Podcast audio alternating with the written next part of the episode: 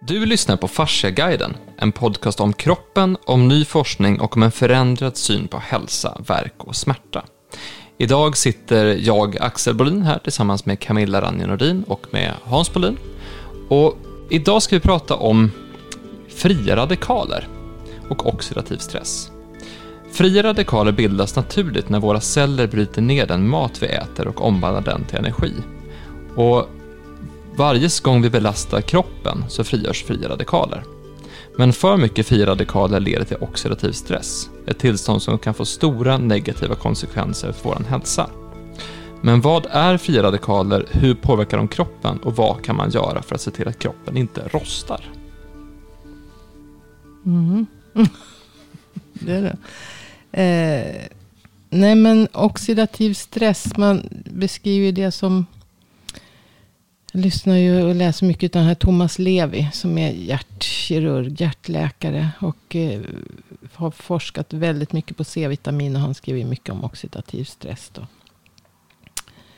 C-vitamin och magnesium är hans stora eh, byggstenar så att säga. Som, som är viktiga. Som man inte kan undvara. Och han, han pratar, alltså när kroppen allt som händer i kroppen bildar ju hela tiden fria radikaler. Och det är alltså molekyler som kan sno, som saknar en elektron. Och då, vill de, då är de ute och jagar elektroner utav andra eh, molekyler. Och vi har ju i kroppen hel, eh, ett eget system av antioxidanter. Det är ju det som ska skydda oss från de här fria radikalerna. För antioxidanter, det är alltså, man brukar prata om, om fria radikaler eller prooxidanter. Det är sådana som, som alltså vill oxidera genom att eh, stjäla elektroner. Eh, och antioxidanter då, det är sådana som, som kan ge ifrån sig elektroner till de som saknar. Så antioxidanter är någonting bra. Men det, och det har kroppen en hel arsenal av egna plus antioxidanter. Plus att vi måste få i oss via maten varje dag. En hel arsenal av olika antioxidanter. Och när vi så att säga belastar kroppen mer.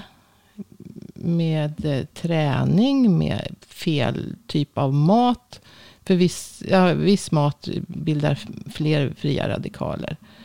Eh, eller eh, sjukdom, gifter, allt sånt eh, skapar eh, oxidativ stress. Alltså oxidativ stress är, kan jag säga, när, när det bildas fler fri, fria radikaler, fler, fler prooxidanter än vad kroppen klarar av att ha antioxidanter och neutralisera dem. Så i den här podcasten pratar mycket om, om fascians förmåga att ta emot och avlasta tryck. Att det finns en massa saker som vi, vi utsätts för hela tiden. Eh, allt i form av vad vi själva gör och vad vi själva äter, men också eh, föroreningar eller stress eller medicinering eller saker som på olika sätt kan belasta kroppen.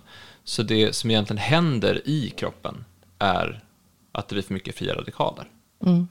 Den här Thomas Levi, han skriver i eh, en av sina böcker, eller han skriver nog i, i alla böckerna, att, att sjukdom, det är alltså ett överskott av oxidation. Så att all sjukdom är ett överskott av oxidation. Att kroppen inte klarar av att neutralisera de fria radikalerna. Och vad det är för sjukdom, vad det blir för sjukdom, eller hur vi kliniskt så att säga, diagnostiserar den sjukdomen. Det beror på var de här oxiderade molekylerna finns någonstans. I vilka, vilken vävnad de är belägna. Hur stor procent i vävnaden som är oxiderad. Och hur länge de här får vara oxiderade. Och vilken typ av eh, biomolekyl då som har oxiderats. Alltså om det är proteiner, viss, viss sorts protein. Eller om det är fett. Eller om det är några enzymer. Eller om det är eh, DNA, RNA. Allt sånt påverkas av oxidation. Och det som, de molekyler som blir, eh, som är så att säga, blir bestulna på, på sina eh, elektroner då. Och blir oxiderade de, eh, de tappar sin funktion. Eller får en sämre funktion. Så att om det är ett enzym så kanske det enzymet slutar fungera i just det området. Så man kan ju alltså få, eh, beroende på var, var eh, oxidationen sker så att säga. Vilka, vilka, Drabbas vilda djur av oxidation, alltså oxidativ stress? Det gör de inte va? Alltså jag tänkte Det- mer på, jag tänkte det, mer på alltså ja, du ja det, det gör, alltså, tar, ja. om du tänkte på, om du tar, han lever alltså på, han säger att det är magnesium och, ja. och Nej, han, C-vitamin. han Och- pratar ju C-vitamin för att C-vitamin är en, en av de mest effektiva antioxidanter som vi har. Eh, och de flesta djur bildar ju eget Ja, C-vitamin. precis. Så där, Mm. därför, men inte apor och primater. Nu, så därför så drabbas de säkert i, i mindre utsträckning utav den. Fast man kanske inte kan säga att de aldrig drabbas. För all, eh, säg att ett vilddjur blir jagat eller skadat. Så är det klart att det, det ger också en oxidativ stress. Sen kanske de, Men Orsman, det han menar då med, med magnetfält och, och, och, och det som är, det, på- det påverkar också, hjälper också till. Mm. till, till och det här med, med jordningen. ja. som- Så då, är då är det, det är därför jag menar, då är det, det är inte lika, alltså dju- djuren är ju mer gjorda än vad vi är. Eftersom vi, Mm. vi är på ett annat ställe. Så det kanske är väldigt bra som man, som vi tog upp i något annat avsnitt, att man kanske, man kanske ska mer gå barfota och mer vara ute och vara Ja. i skog och mark på ett annat Absolut, sätt. absolut. Men det är väl någonstans det vi försöker förstå här är ju de olika mekanismerna som gör att vi på något sätt blir sjuka, eh, får problem, får ont, mår dåligt. Eh, och det här är ju någonstans själva händelseförloppet som sker i kroppen när det sker. För sen pratade vi om, för några avsnitt sen, om, om just att om du, om du andas, om du hittar ett lugn, om du, om du kommer in på eh, om du djupandas på, på ett bra sätt, Mm. då, då laddar du kroppen med, med elektroner och då, då kommer det också att, att neutralisera några av de här fria radikalerna också. Så det är ju ett, det är ett motmedel mot att få för mycket oxidativ stress i att hitta lugn. För att stress skapar ju också oxidativ stress. stress eh, psykisk st- stress och eh, fysisk stress skapar ju... Det är samma sak. Det blir Ja, samma sak. ja. Men det, han, han är mer inne på att vi har för lite magnesium och för lite C-vitamin. Det är han som säger att man kan få skörbjugg om man har Ja, ja. Han, han menar ju att, att eh, all typ av inflammation, alltså en kronisk lokal inflammation, Mm. oavsett var i kroppen den sitter, är en lokal skörbjugg. Och han menar ju på att hjärtsjukdomar, eh, ateroskleros, alltså åderförkalkning, det är lokal skörbjugg. Och att eh, vid all inflammation, Mm. oavsett alltså, eh, om det är en lokal inflammation eller en, en, en systemisk, så att säga, hela systemet, så, så får man C-vitaminbrist. Eftersom vi inte kan producera eget. Därför att det, det går åt, den, normal, en normal frisk människa, säger han, har mellan 1 till 2 gram C-vitamin i de flesta vävnader i kroppen. Sen har vi mycket, mycket mer i immunförsvarsceller. Och eh, i eh, binjurebarken. Som alltså producerar stresshormoner. Jag vet inte om det är barken eller om det är både märg och bark. Binjurarna i alla fall. Eh, de producerar i vilket fall som stresshormoner. Så C-vitaminet hjälper till där. Mm. Eh, ögonen har också mycket C-vitamin. Stora mängder C-vitamin. Och han menar på att, att det... Där det blir en inflammation. Där slukas ju all C-vitamin upp ut, utav de här fria radikalerna. Mm. Som alltså, för C-vitamin är ju då extra effektivt också som, som antioxidant. Därför att det har två elektroner att ge ifrån sig. Mm. De allra flesta antioxidanter som vi äter och får i oss. Färger via grönsaker, eh, frukt och så. Hur länge han skrivit böcker då? Alltså, vad, hur, hur kände han? Thomas Levi.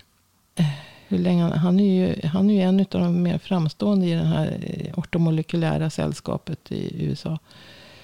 Eh, han, skrev han, den första boken han skrev tror jag han hette att eh, någonting om att eh, förgör USAs största dödare. Och det menar han på att det var hjärt-kärlsjukdomar och Mm. med C-vitamin. Då.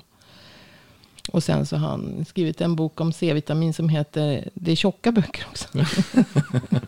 en, en som heter Curing the Incurable. Eh, med C-vitamin. Den Mm. handlar om C-vitamin.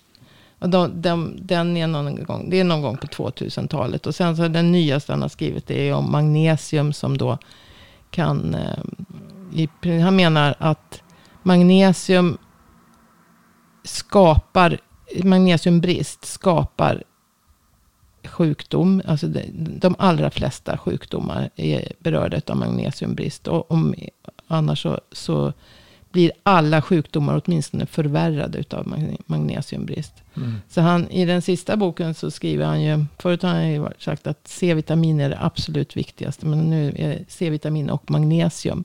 Och magnesium kan vi inte få i oss på något annat sätt än Via mat. Vi via maten. Och eftersom det blir... Men då blir det som man tittar på, själv på om det är idrott och idrottsmän. För jag tycker det är ganska fascinerande med att jag vet ju själv om jag, om jag man dricker för mycket vatten och så sen så är jag ute och golfar eller något sånt där. Eller jag gör för mycket. Alltså man förbrukar ju.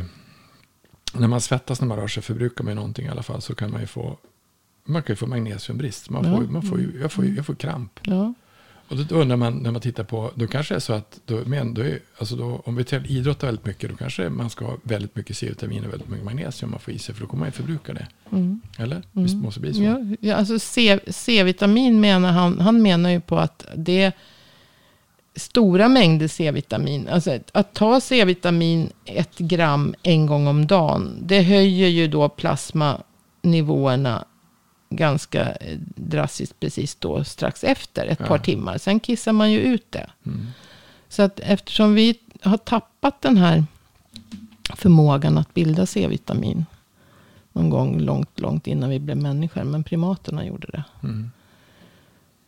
Och då levde apor och gorillor. Så de, de äter ju en helt annan kost. Och Mm. det, det C-vitamin är så otroligt känsligt för all typ av tillagning. Just det. Och för det, just, där, det är just bara av Laga. egenskapen att det är en sån effektiv antioxidant. Så Mm. oxiderar det så fort det kommer i kontakt med, med syre. Så, så att det, det, är ju det som är effekten utav det så att säga. Så då, därför måste man vara väldigt, väldigt varsam med sin, jag vet inte om det kanske ni... eh, Men ni eh, hade, ni, hade, ni hade min sjukdom, alltså när jag var förkyld i våras. Så sa du att du ät så mycket C-vitamin du kan. Och då åt jag ju åt jag fyra gram, jag åt två gram varje kvart. Eller om det var mer, jag tror jag kanske ett, ja. Och det gick ju bra som helst. Jag åt ju hur mycket som helst. Mm. Ehm, och jag fick inte diarré. Men jag kanske jag åt ännu mer. Jag tror jag åt 30 gram eller för nej, kanske 40 gram på ett dygn. Ja, nej, men alltså det, behövs det, då får man inte diarré. Så länge kroppen behöver det så får du inte diarré. Men, och, och allt, han menar ju på att det finns inte något gift som vi upptäckt som inte ett C-vitamin biter på. Alltså C-vitamin kan förgöra allt, Allt. egentligen. Det är, Men- bara, det är en fråga om mängd och dos. Och då naturligtvis är det absolut bästa Men visst är det, ganska, visst är det ganska intressant att säga att om, för antioxid- antioxidanter man pratar mycket om. Och oxidativ stress har man också pratat mycket om. Men om, vi, om det är så enkelt egentligen att vi, om vi bara skulle äta lite mer C-vitamin så kan vi hålla oss friskare på ett annat Mm. sätt. Och Eh, om vi, och om då, vi men jag, förstod... då tänkte, jag tänkte, jag tänkte, för det var som, för det var ju förra året när det var med, med, med, alltså det var ju många som gick ut och sa att, det gjorde vi också, att ät mycket mer C-vitamin så går det mycket, så har du lättare, lättare att bli frisk och du blir mindre sjuk. Men egentligen så det du säger är att vi behöver nästan alltid ha C-vitamin Mm. eftersom vi har konstant en oxidativ stress som Mm. finns. Så vi kommer alltid få fri, äh, fria radikaler som är ute och Vi, åker. ja, i och med att vi, om man ser miljoner år tillbaka med apor och så, när, när, så då fanns det ju inte de gifterna runt om oss. Alltså de miljögifter och allt, eh, avgaser och, och Mm. den stressiga miljön som vi hela tiden utsätts för. Och vi kanske, de går barfota, aporna. Eh, Ja. och de, de, de äter gröna blad, frukt och bär. Eh, men de äter råkost rakt upp och ner utan, Mm. utan att det så att säga är tillagat. Mm. Så de får i sig, de kanske får i sig tre gram C-vitamin under dygnet. Bara genom kosten. Bara genom maten. Men Mm. det är svårt för oss att sätta i oss tre gram C-vitamin. Då får vi nog äta så mycket grönsaker och frukt så att vi Men det är en viktig aspekt att få med i den här, i den här, eh, i det vi pratar om. Att det handlar egentligen inte om att, att C-vitamin i sig är någon form av brakermedicin, utan det det handlar om är att när vi gör saker mot vår kropp så bildas fria radikaler. Och det görs det alltid. Alltså oavsett vad vi gör så görs det. det görs. Men i en, i en annan miljö, i en annan kontext, så skulle kroppen kunna ta hand om det själv på ett väldigt bra sätt. Men om vi till exempel var då apor som, som åt jättemycket rå frukt och så vidare. Men i miljön vi är i just nu så dels så skapar vi fler fria radikaler än vi hade gjort i en annan miljö. Och dels så får vi oss mindre antioxidanter som skulle kunna hjälpa till oss. Vi har, får inte i oss lika mycket eh, näring från maten vi äter som vi varit inne på tidigare. Vi får inte i oss lika mycket antioxidanter. Vi tillagar maten på ett annat sätt vilket tar död på antioxidanterna och så vidare. Så att det handlar ju snarare om att kroppen kan ta hand om det allra mesta. Om kroppen har rätt Om kroppen får, förutsättningar. precis. Och det är det som han, han eh, ja, den här ortomolekylära medicinen går ut på. Så att, att, att eh, kroppen kan ta hand om det mesta själv. Med, bara, om den bara får rätt näringsämnen. Mm. Ehm, Som vi tar då, då, då C-vitamin är en, en viktig sak för just att motverka den ox- oxidativa stressen. Finns det några andra fördelar med att ta just C-vitamin som, som tillskott till exempel? C-vitamin har ju, ja, inte minst immunförsvaret. Men, men framförallt alltså att C-vitamin, det kommer, som antioxidant är det ju bland den mest effektiva. Just bara för att den har två elektroner att ge ifrån sig. Och sen vad man ofta, det finns ju så mycket eh, skäll så att säga över C-vitaminforskning. Men det finns ju enormt mycket forskning som visar hur effektivt det är med i alla typer av sjukdomar. Att eh, det är bakteriedödande, virusdödande, alltså dödar i princip de flesta mikroorganismer. Inte alla då. Men, men eh, skadliga mikroorganismer. Genom att eh, C-vitamin kan bilda väteperoxid i lägre doser. Så att det, och mycket tumörceller som eh, för, inte Mm. tål den miljön. Eh, men C-vitamin konkurrerar, alltså C-vitamin är väldigt lik, C-vitaminmolekylen är väldigt lik glukosmolekylen, alltså socker, en vanlig sockermolekyl. Och annat socker, andra socker, fruktos eh, Mm. också. Så att den konkurrerar ju med samma transportkedjor in i cellen. Det är en väldigt liten molekyl, eh, C-vitaminet. Så att den, den kan ta sig in i, i väldigt lätt i alla celler så, i kroppen som behöver den. Den tar sig in genom blod-hjärnbarriären så den kommer in till nervsystemet. Och utan C-vitamin får vi depressioner. Så eh, nervsystemet påverkas negativt. Eh, man blir pigg utav att äta mycket C-vitamin. Man, man blir på ett bättre humör faktiskt. utav att äta mycket det, C-vitamin. det, är det, är intressant, det är intressant med han som, det som, jag vet, det finns ju olika sätt att få i sig C-vitamin. Men, Carl berättade, alltså, det var ju också en, Arfors då, han har berättat, att, för han har ju forskat mycket på inflammation. Mm. Och fria radikaler. Och fria radikaler, alltså bägge två. Och han säger att C-vitamin är otroligt viktigt. Men det, det är ju lite intressant varför man inte, för man har gjort mycket, det finns ju ganska många studier som är gjort på intravenöst C-vitamin. Ja. Alltså för att bota blodförgiftning, eller hur? Mm, ja, Eh, blodförgiftning och Jag tror att det, en som var i, en som var i förra året som var med, med en akut läkare, en, lä, en läkare som var på akuten, som, eller på, eh, så- i USA som fick covid-19 som höll på det. Som de gav intravenös C-vitamin, han överlevde ju. ja, Så att, men det, men det, det är intressant varför någonting som är ganska känt sedan länge, det var 73 han fick Nobelpris för C-vitamin, var det inte det?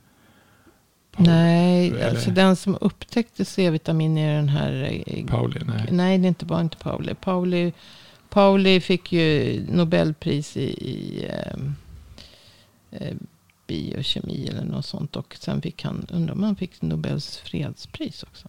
Fick han det? Han har fått två Nobelpris.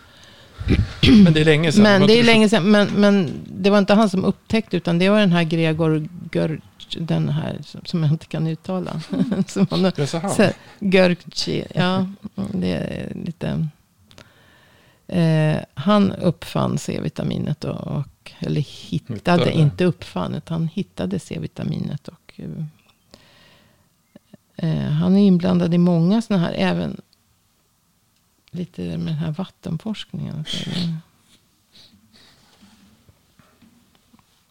Men eh, som sagt, vad, vad man ska tänka på och som man inte heller tar hänsyn till, menar ju han Levi då, när man forskar på C-vitamin. Man har ingen som helst koll på folks sockerintag. Och det är, har ju alltså ökat radikalt, folks sockerintag, kan man säga, sista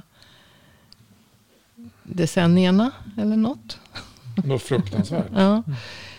Eh, och eftersom jag precis sa att C-vitamin konkurrerar med eh, sockermolekylens transportkedjor. Så äter vi mycket socker så, så får inte, är det inte säkert att C-vitaminet kommer dit det ska. Och om man då forskar på det eh, så, och inte har någon koll på vad eh, försökspersonerna så att säga, har för sockerintag. Så är det inte alls säkert att de får i sig det C-vitaminet. Som, Ja, men just det, för att om du har om du dricker så mycket läsk som väldigt många människor gör, så tänker man inte på vad det vad som händer i kroppen. För att enorma mängder socker. Ja, får du i dig för mycket socker så kommer det att läcka ut ifrån tarmen. Det kommer sätta sig i bindväven. Det kommer mellanlagras i bindväven. Och då kommer ju också eh, behandling få sämre effekt, men också sådana saker som C-vitamin får sämre effekt. Så Vad- det är precis som du säger, man tänker inte på hur mycket socker folk faktiskt får i sig, för att det är många människor som, som dricker läsk varje dag. Och det var det inte för, när jag växte upp så drack man inte läsk varje dag. Nej, jag fick en läsk varje lördag. Och, En liten flaska på 30 centiliter. Ja. och det är en jätteskillnad Ja. nu med framförallt eh, Nu köper man en och en halv liter, så flera stycken. Om man Ehm, tittar på. Och Men då, och då blir alltså effekten av C-vitamin blir sämre för att om du har för mycket socker i kroppen. Ja. det blir det. Han, han menar på att det, det tas inte upp i cellerna på det sättet. Därför att snitt- i socker, snitt- so, konkurrerar ut det. Men vad händer i fascian med socker? Precis det vi pratade om här för ett tag sedan. Karamelliseras. Ja, och de här sockerbindningarna. Mm. Varför får han inte bort? Eller Ja, precis. Men det var Socker, ju- Sockerbindningarna som alltså kommer till. Och C-vitaminbristen gör ju att de riktiga enzymatiska bindningarna inte blir av. Därför att C-vitaminet medverkar vid just den här bildningen av tvärbindningar i fascian. Det Så det är det någonting som vi- är skörbjugg. Det här var någonting vi pratade om i morse Camilla, så Ja, det var inte precis. i podden. Men Nej. det vi pratade om då egentligen Det var därför jag sa det. Ja. Du, I, för, enk- för snabbt förklarat då, alltså i kollagenstrukturen som håller kroppen stabil så kan det bilda tvärbindningar för att stärka upp ett område som kanske är Ja, en det, behö, det behövs tvärbindningar för att inte kollagenmolekylerna ska glida förbi varandra. Precis, och då Ja. finns det ämnen i kroppen som, som reglerar det här. Vi pratade om, jag och Camilla hade ett samtal om hormoner i morse, då, då, då vi kommer att spela in podcast om det sen också. Och då pratade vi om hur, hur hormoner kan sända signaler att bilda eller ta bort tvärbindningar och så vidare. Eh, men det vi kom in på då var att har du för mycket socker i kroppen så kommer sockret i sig att bilda tvärbindningar. Så istället för att kroppen bildar tvärbindningar själv av kollagen så bildar kroppen eller så, så bildar sockret tvärbindningar av socker. Vilket skapar en annan stelhet och en annan eh, Och man, ka, man kallar dem för sockerbindningar eller rosbindningar också. Ros är alltså reaktiv oxygenspecies.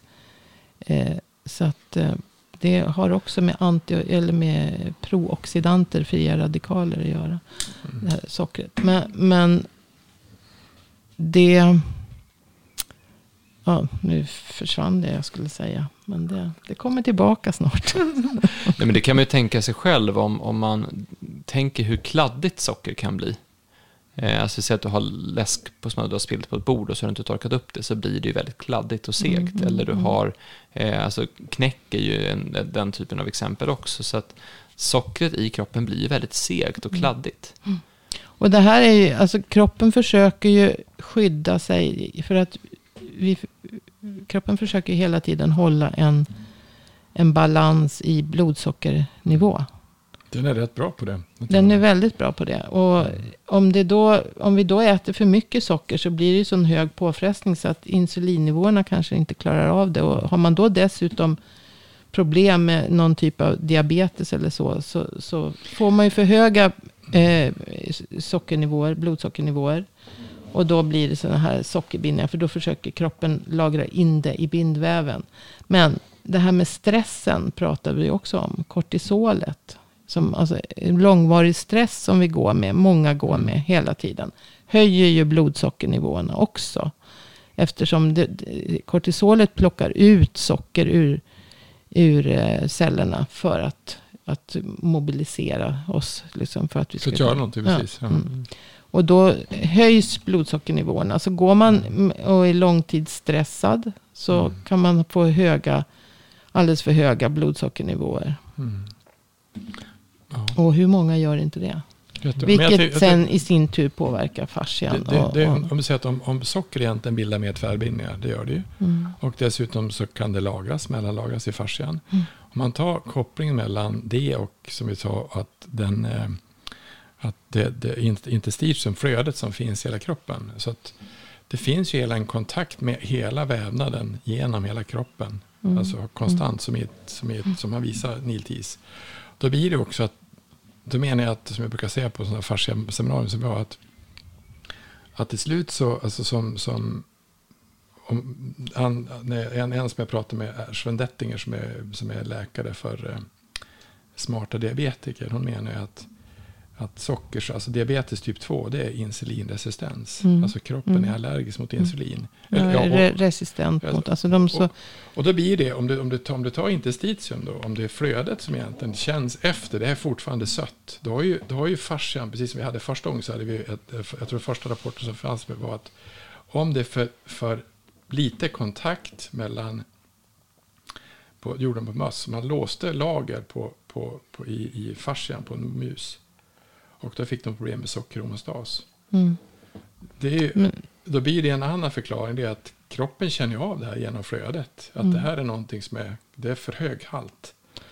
ja, och, vad händer om det då blir en, en eh, massa kollagen med alldeles för mycket tvärbindningar. Som är dessutom inte de naturliga så att säga. Utan Då blir det Ja, sämre det, flöde blir, också. det blir ju liksom en förtätning i Mm. vävnaden. Mm. Och den, den förtätningen får ju...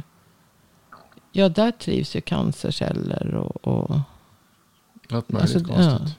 så att det, det, och det ger ju en inflammation också. Alltså det, Mm. Allt det här hänger ju ihop. Och han menar ju på att, som sagt, att en, det blir en, en lokal inflammation, en lokal skörbjugg. Och det på grund av C-vitaminbrist. Mm. Även om du har C-vitamin så kanske just i den vävnaden är C-vitaminbrist. Vi är sponsrade av Fasciaklinikerna. Och Fasciaklinikerna finns därför att jättemånga människor går runt med bland annat ryggvärk och ont i nacken utan att veta att det finns riktigt bra hjälp att få och enkla sätt att hålla sig frisk. Det Fasciaklinikerna har är en riktigt bra behandlingsprocess, en bra kunskap om kroppen, lång erfarenhet av olika typer av besvär, en riktigt bra maskin som eh, behandlar kroppen på ett effektivt och skonsamt sätt och en personal som verkligen brinner för att hjälpa människor. Det häftiga med fasciatekniken är att fasciateknikerna blir bättre och bättre. Behandlingsmetoden utvecklas hela tiden, man håller sig ajour med ny forskning. Alla som jobbar på fasciateknikerna lyssnar regelbundet på Fasciaguiden och funderar på vad innebär att få ha en kropp och hur ser till att kroppen blir så bra som möjligt. Så att om du har ont så är fasciateknikerna för dig. Det är också för dig som vill prestera bättre eller bara må bra i kroppen eller utvecklas med din kropp. Så är du intresserad av att boka behandling så gör du det på fasciaklinikerna.se. Tillbaka som jag som idrottsmän. Om, vi, om jag motionerar mycket och utsätter mig för fysisk aktivitet.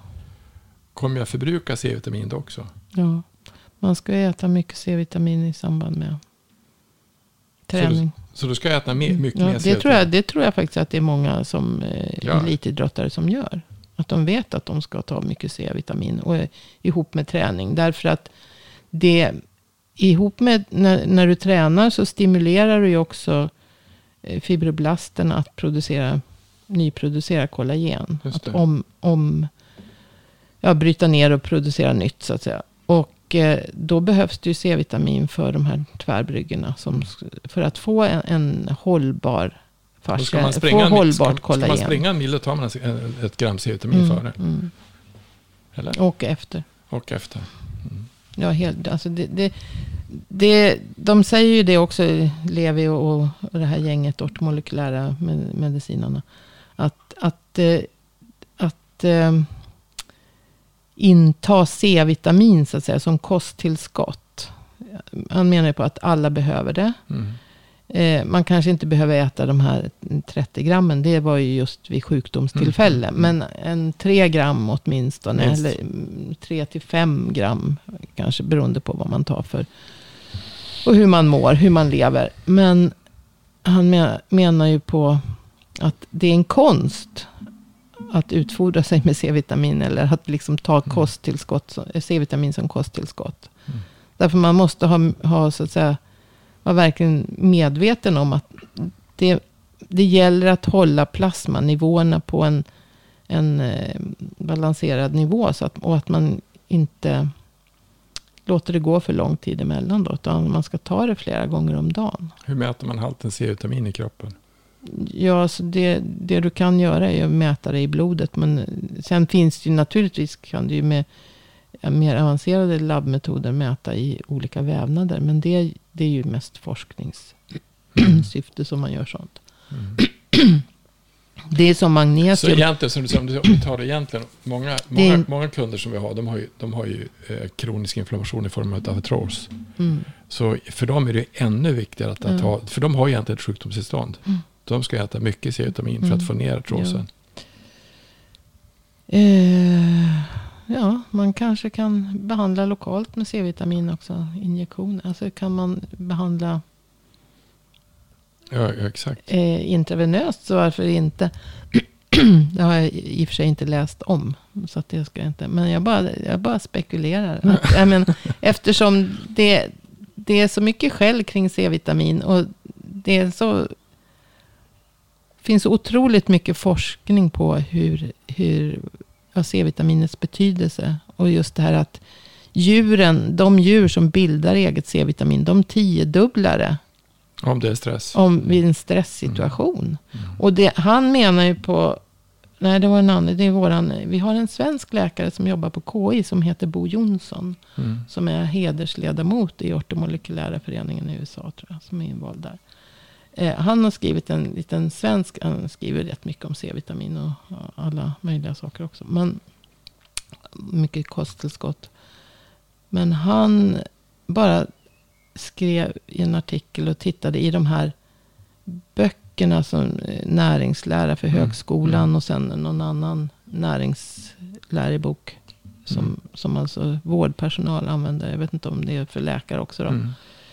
Eh, de nämner ju knappt att C-vitamin, en av dem nämnde att djuren bildar C-vitamin. Men inte, någon utav, den ena nämnde det inte.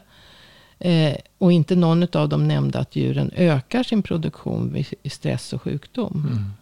Vilket alltså bara, det är ju ett, Mm. ja det är ju liksom så självklart att man måste ta till sig sådana saker. Ja, men alltså, jag, tror, jag tror att det, det, som är, det som är fascinerande med det här är att jag inte, innan vi började med kosttillskott, alltså förra året, så har inte jag varit så, jag är inte intresserad överhuvudtaget utav det. Jag har mer hört, alltså, jag skickade till min mamma en gång när jag läste om det här med om hur mycket vi behövde tillföra på grund av att jag tror det var någon, någon agronom eller veterinär som har skrivit om hur mycket vi har, hur mycket vi har minskat, alltså med det moderna jord- jordbruket så finns så får du mindre Mm. mineraler och vitaminer Mm, mm. till, till i fodret. Och då Mm, kommer det att mm. fara ut på...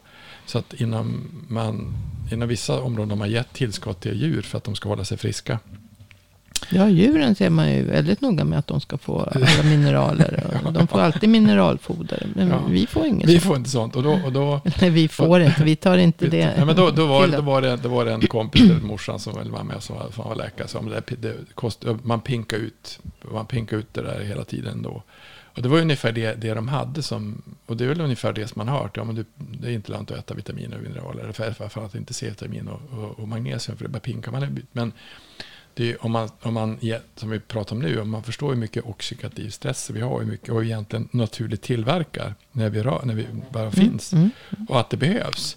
Ja, alltså det, det är ju inte bara negativt med oxidativ stress. Nej, det, är, ju- nej. det är ju någonting fullt naturligt. Ja. Men, men det som är, skillnaden idag eh, Alltså med, det är ju med vårt liv vi lever, allt vi utsätts för som är så otroligt mycket mer oxidativ stress, alltså överskott på fria radikaler. Och vi har en mycket, mycket sämre kosthållning idag. I kombination med ett sämre liv med, med stress och, och föroreningar och, och ja, massa rökning och alkohol. Och massa, o, massa onyttigheter. Men med det i bakhuvudet då. Eh, nu kommer en väldigt spekulativ fråga här. Eh, tänk dig ett scenario där alla svenskar äter 4 gram C-vitamin per dag. Vad tror du att det skulle göra med folkhälsan? Jag tror det skulle bli enormt mycket mindre eh, mängd eh, sjukdom. Jag, jag tror folk skulle bli friskare. Friskare och, och gladare. Och Ja, men alltså absolut. bety, betydelsen Det-. Alltså det, alltså det, det, hade, påverkar ju blodtrycket enormt också. Ja, ja. Men, alltså, Men- jag hade, hade på, alltså det var som fanns, det finns ju en, en, en sajt som heter, alltså om C-vitamin som finns på nätet som heter, eh, jag spelar ingen roll heter för någonting, men de hade, det fanns en artikel i, i DN 24, 27 november i fjol som handlade om att Wuhan hade öppnat upp. Mm. Alltså hela Wuhan hade öppnat upp. Och det var ju, och jag skrev till de som skrev den artikeln, det kan vara intressant att ta reda på varför Wuhan öppnade upp. Det var där det började, hela covid-19. Eh, och det visade sig att de hade delat ut C-vitamin. Ja. 50 De, ton. de delar ut till all vårdpersonal, till all nära och anhöriga. Och, och dessutom var det ju där som den första studien på C-vitamin, intravenös C-vitamin och, och eh, covid-19 gjordes. ja. Och den gav positivt resultat, men det har inte hörts någonting om Nej. den. Det blir lite märkligt egentligen. Eh, och då gav enkelt. de ändå en ganska låg dos, för de, de, de gav två gånger 12,5 gram? Eh, eh, per dag Ja. intravenöst. Eh, och då, de studier som jag läser, alltså man, man, många studier som har givit 100 gram och mer. Det är inte någon, någon som har fått någon skadlig effekt utav det. Känner du till, finns det i i vården i Sverige någonstans man kan gå och få intravenös C-vitamin när man är dålig? Jag tror att det finns vissa privatläkare, men jag vet inte hur. Det är något som, det är väl inget som någon får skylta med. Ja, men det finns ett problem med det där, för jag, jag läste en... en eh, alltså, det är, vi har ju ett... Eh, vi har ju ett, ett, eh, ett byråkratiskt system i vårt land som är uppbyggt för att ja, men skydda folk från sånt som inte är bra för dem. Och då testar man olika saker och så utvärderar man och så vidare. Eh, problemet är att det finns ingen instans i Sverige som, som testar vitaminer och mineraler eftersom att vitaminer och mineraler inte är läkemedel. Eh, för vi, jag hade en, en bekant som var i kontakt med Folkhälsomyndigheten och frågade om just ja, C-vitamin till exempel, D-vitamin för olika sjukdomar och så vidare. Eh, och då hänvisade de till Socialstyrelsen och då hänvisade Socialstyrelsen till Läkemedelsverket. Mm, och Och Läkemedelsverket till- sa att det här är inte ett läkemedel, så vi prövar inte det. Så att rent byråkratiskt så finns det ingen instans som tar in den här forskningen och utvärderar den. För jag minns att vi pratade, om vi säger så här Camilla. Hur många forskningsrapporter om C-vitamin har du läst det senaste året? Alltså du läst personligen.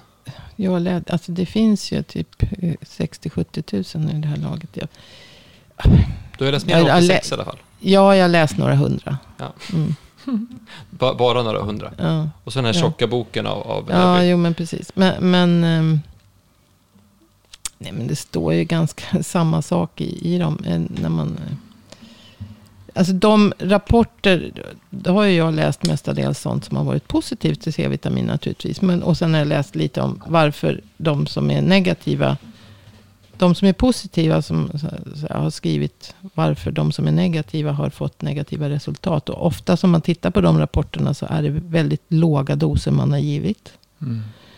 Man har ingen, det är svårt med C-vitamin också därför att du har ingen koll på eh, vad personerna så att säga tar, äter för föda. Och det är ju också väldigt, väldigt mycket. Om det är någon som äter mycket grönsaker och rå, rå, råfood så att säga. Alltså frukt och grönsaker. Som, och, som, och utav sånt som ger mycket C-vitamin. Och sen är den i en grupp som inte får något C-vitamin. Ja, då får du Då, C-vitamin i alla då fall. får du. C-vitamin i alla fall. Och det är sådana, såna, sån kritik som man liksom har lagt fram. Plus att de har gjort väldigt låga doser. Det har rört sig alltså om kanske 2-3 gram för, eh, vid sjukdom. Och det är alldeles för lågt. Men det kanske, alltså, alla, men, det är inte alla, alla som vet, men, men hur, mycket, hur mycket är ett gram i, i apelsiner? Om du säger två, tre gram? Ja, om, om en, en apelsin innehåller typ 60 milligram. Där är typ 20 apelsiner.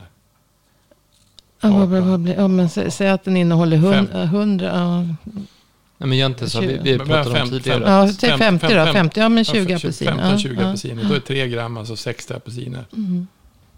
Så kan man ju stå... Du, alltså, du, du kan ju inte äta så mycket, då, då får du diarré. Så snacka om att man får diarré utav... blir det blir C-vitamintabletter. samma sak med juice. Då är det ju att när man dricker juice. Ja, då har du ju pressat den och så kommer den i kontakt med syre. Och så, Så har du inte alls de mängderna C-vitamin som det står på juicepaketet. Nej. Det är Så- bara precis det första du dricker. Mm. Sen det som står till dagen, bara, ja, dagen efter så är det väl kanske noll. Mm. Eh, det kanske var lite hårdare. Men jag vet att jag läste en, en forskningsrapport om bröstmjölk. Och eh, apropå det här med lagring. Bröstmjölk och C-vitamin. Där de alltså testade C-vitaminet i bröstmjölk. De hade ju gjort det. Mammorna hade ätit Mm. C-vitamin och så. För eh, C-vitamin har väldigt stor betydelse just vid förlossning också. Men Mm. det är en annan historia. Eh, men då testade de mjölken som paketerades. De mjölkade ur och Mm. testade. 20 minuter efter så tror jag, det, ja, det var rätt länge sedan jag läste den där. Men alltså det hade minskat drastiskt. Jag tror att det hade halverats. Mm. Mängden C-vitamin. Men det Det som har är lite- mins, minskat drastiskt i alla fall efter bara 20 minuter. Jag hade, jag, hade, det- jag hade en diskussion med en kvinna som kom till mig som jag tyckte var så fantastiskt att, att någon hade pumpat ut bröstmjölk. Och då sa Lotta så att med så var en fru, det, det var ju bra att inte göra så. Det var ju bra att ta maten där. Ja. Ja, men då kan men för det, ju, det, så, här, men det måste ju vara bra att, att göra som det är gjort. Och då, var ju, då, då är ju all näring kvar på en gång. Det får ju rakt Ja, in. ja. Istället för att pumpa ut det så utsätter det för syre och så blir det mindre. Mm. mindre. Ja, men precis. Men det är det som är... Men det kanske fanns något annat. Man, det finns ju i vissa fall man måste göra det. Så att det, man ska inte... Nej. nej, Men det som är grejen är att det, det är ju... Jag menar bara Det- det här är Ja, men alltså, lagringsproblemen med C-vitamin. Är, Är ju ganska stora. Och, och, och, ha- likadant om du köper C-vitaminpulver. Förlåt Axel. Pulver. Pulver och blandar ut i vatten för att du ska ha att dricka.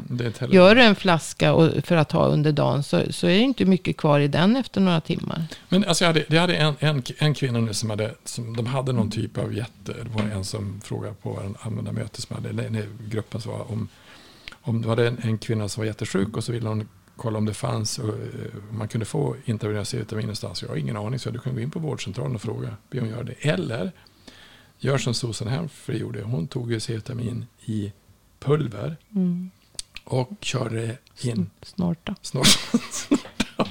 men, då får, men, men, alltså, Ja. jag, jag, du sa ju att jag skulle testa det. Jag testade det. Det var inte behagligt. Men Men hon tar inte C-vitamin, eh, askorbinsyra. Hon tar askorbat. ja. Vilket är saltformen, någon form av... Det finns eh, något... Ja, för då blir det inte Då, då är det neutraliserat. Mm, så så man, jag äta inte. så neutraliserat. Nu, nu är de om man nu ska prata C-vitamin igen. De flesta C-vitamin... Eh, askorbaten, alltså salt, neutraliserade Mm. saltformen som alltså har ett neutralt pH då, som alltså inte påverkar magen på samma sätt, Mm, är kalciumaskorbat. Okej. Det finns eh, eh, en, ett som är eh, magnesiumaskorbat. Vilket är att föredra då om man nu ska hålla sig till Thomas Levi som bara skäller eh, galla över kalciumtillskott. För att det, kalcium och magnesium ska ha en viss balans. Och vi får ju i oss väldigt mycket kalcium med Men maten. inget- Så vi be, de allra flesta av oss behöver inte äta kalciumtillskott. Nej. För där, det, där menar han, där ökar risken för massor med problem. Alltså i kärl och, och njurar och, och sådana saker. Så han menar n- magnesiumaskorbat. Och samma sak För då det. får du mer magnesium på köpet. Och det, det, då får du, det, det blir C-vitamin det. Nej. Ja, det är C-vitamin. Och det kan man snorta. Det kan man snart. Jag tänkte vi skulle knyta ihop den här säcken, men först innan, innan jag eh, någonstans knyter ihop säcken så tänkte jag bara fråga Camilla, för, för någon, någonting som man brukar få höra då om man pratar om till exempel C-vitamin är att man kan få njursten om man tar för mycket C-vitamin. Ja, du, kan vi benämna det nu så att du har tagit den punkten också? Ja, och på det, det säger han då att det finns ingen eh, forskning som, eh, som eh, Stödjer det. stödjer det. det. Ja, det finns väl naturligtvis några som har påstått det. Men de har haft så mycket andra sjukdomar. Och han menar på att C-vitamin specifikt är inte något som ökar risken för eh, eh, njursten. Tvärtom så finns det de som har behandlat njursten med C-vitamin. Mm. Men utan det är så mycket andra faktorer som påverkar. För höga kalciumnivåer menar han. Och för, för lite vätska i kroppen. Att man dricker för lite. Och, och det finns massor med andra eh, oxalat eh, födoämnen då som spenat och, och, och massa olika aminosyror och, och sånt. Så, så att det finns massor med annan mat som, som påverkar. Så han menar på att, att C-vitamin, höga doser C-vitamin, intravenös C-vitamin har inte givit någon, någon njursten. Mm. Så det, det är bara förtal, hävdar han. Men det som, är, det som vi har varit inne ganska mycket på i den här podden i, i flera olika avsnitt är just våran förmåga i vårt västerländska perspektiv Mm. att vara väldigt duktiga på att se delarna men väldigt dåliga på att stoppa ihop det här till någon form av helhet. Och det väl där man någonstans landar i att om, om vi får oxidativ stress på grund av att vi ökar mängden fria radikaler vid all typ av belastning som vi får.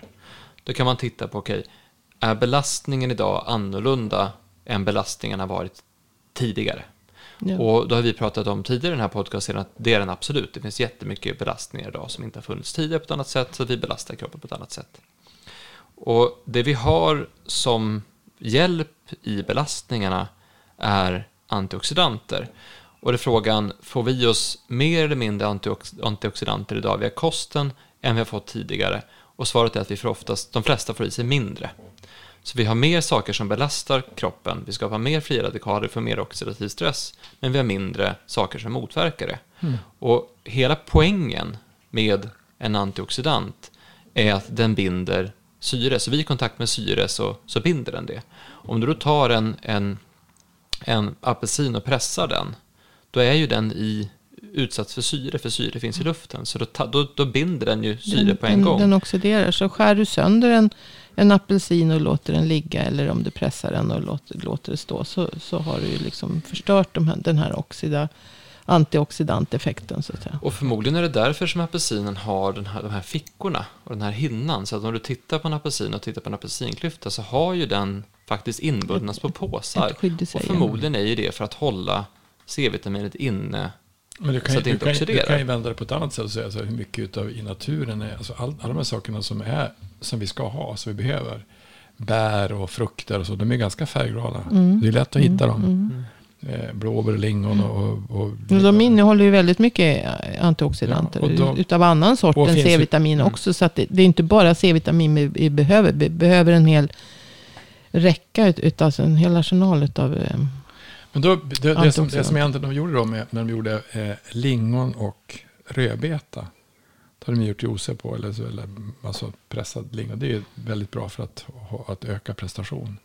Då måste det ju hjälpa till att inte få så mycket antioxidanter. mm. Men det är så fort en antioxidant kommer i kontakt med syre Så så, så tappar det den effekten. Mm. Och det är ju inte så konstigt för det är ju hela poängen. Mm. Den ska binda syre inuti kroppen. ja, den ska, den ska eh, eh, ge ifrån sig fria, eller, fria elektroner. Mm. Och därför så är det inte, det är inte, för, det är inte för, för intet som vi hävdar att förmodligen så skulle alla människor i det här landet må bra av att äta 3, 4, 5, 6 gram C-vitamin per dag. Mm. Och det var ju som vi sa i något tidigare sammanhang att, att eh, man tar ett gram på morgonen, man tar ett gram mitt på dagen, man tar ett gram på kvällen. Man kan till och med testa att öka dosen. Och är det så att man blir dålig i magen, då vet man att man har tagit för mycket. Mm. Blir man inte dålig i magen så vet man att man behövde nog alltihopa. Fyra gram är ju, kan ju inte vara jättesvårt i alla fall att komma ihåg att ta. Om man tar morgon, lunch och så middag. Och sen innan man går och lägger sig. Och det Då har man i alla med fall det, fått, om man tar ett gram. Sen kan man, vet du vad det kostar per dag att ta 4 gram T- C-vitamin? Det är inte många kronor. 10 kronor. mm. Det är så mycket i alla fall. Ja, men det beror på, det beror på var, var, vilket C-vitamin du köper och så vidare. Men, men alltså, det kostar inte mer än 10 kronor om dagen. Och det, det är inte så mycket. Alltså det kostar nog mindre. med, om- det med kostar, det- det tanke är klart det på, kan med kosta tanke mindre. på den, alltså, de effekter. Pratade jag om, om munhälsa förra gången? Nej, Jag, jag har inte pratat om, om tandköttet. okej, men ta lite grann om det. Ja, men du, just det. Du äter så du, du, ditt tandköttbröd. är Ja, nej, Du, du, har- Min, mitt tandkött har ju slutat. Jag, jag var ju till tandläkaren bara för ett par veckor sedan, eller tandhygienisten. Mm.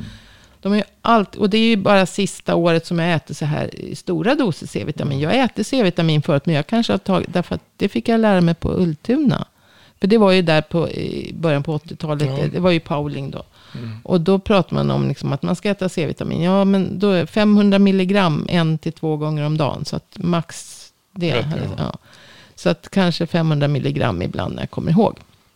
Men sen sista ett och ett halvt åren nu så har jag ju ätit jättemycket C-vitamin dagligen. Hur mycket är mycket? Vad- Ja, ja, alltså minst fem gram i alla fall. Ibland tio. Och har jag känt mig hängig så har det kunnat bli både 20 och 30. Mm. Men jag är ju sällan hängig. Nu. Alltså jag, jag är, inte, är ju inte sjuk och jag har, blodtrycket har sänkts och tandköttet har slutat blöda. Fantastiskt. det är ju liksom fantastiskt. Mm.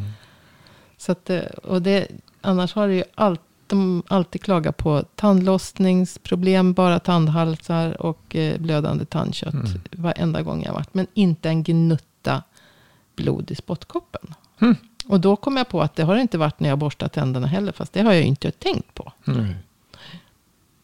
Så när vi belastar kroppen så frigörs en massa fria radikaler som skapar en oxidativ stress. Och när de här fria radikalerna åker runt i kroppen så kan de orsaka stor skada. Och för att ta hand om det så behöver vi antioxidanter. Och alla gifter vi får i oss, alltså, sånt vi äter och andas Mm. in och så, ger också oxidativ stress.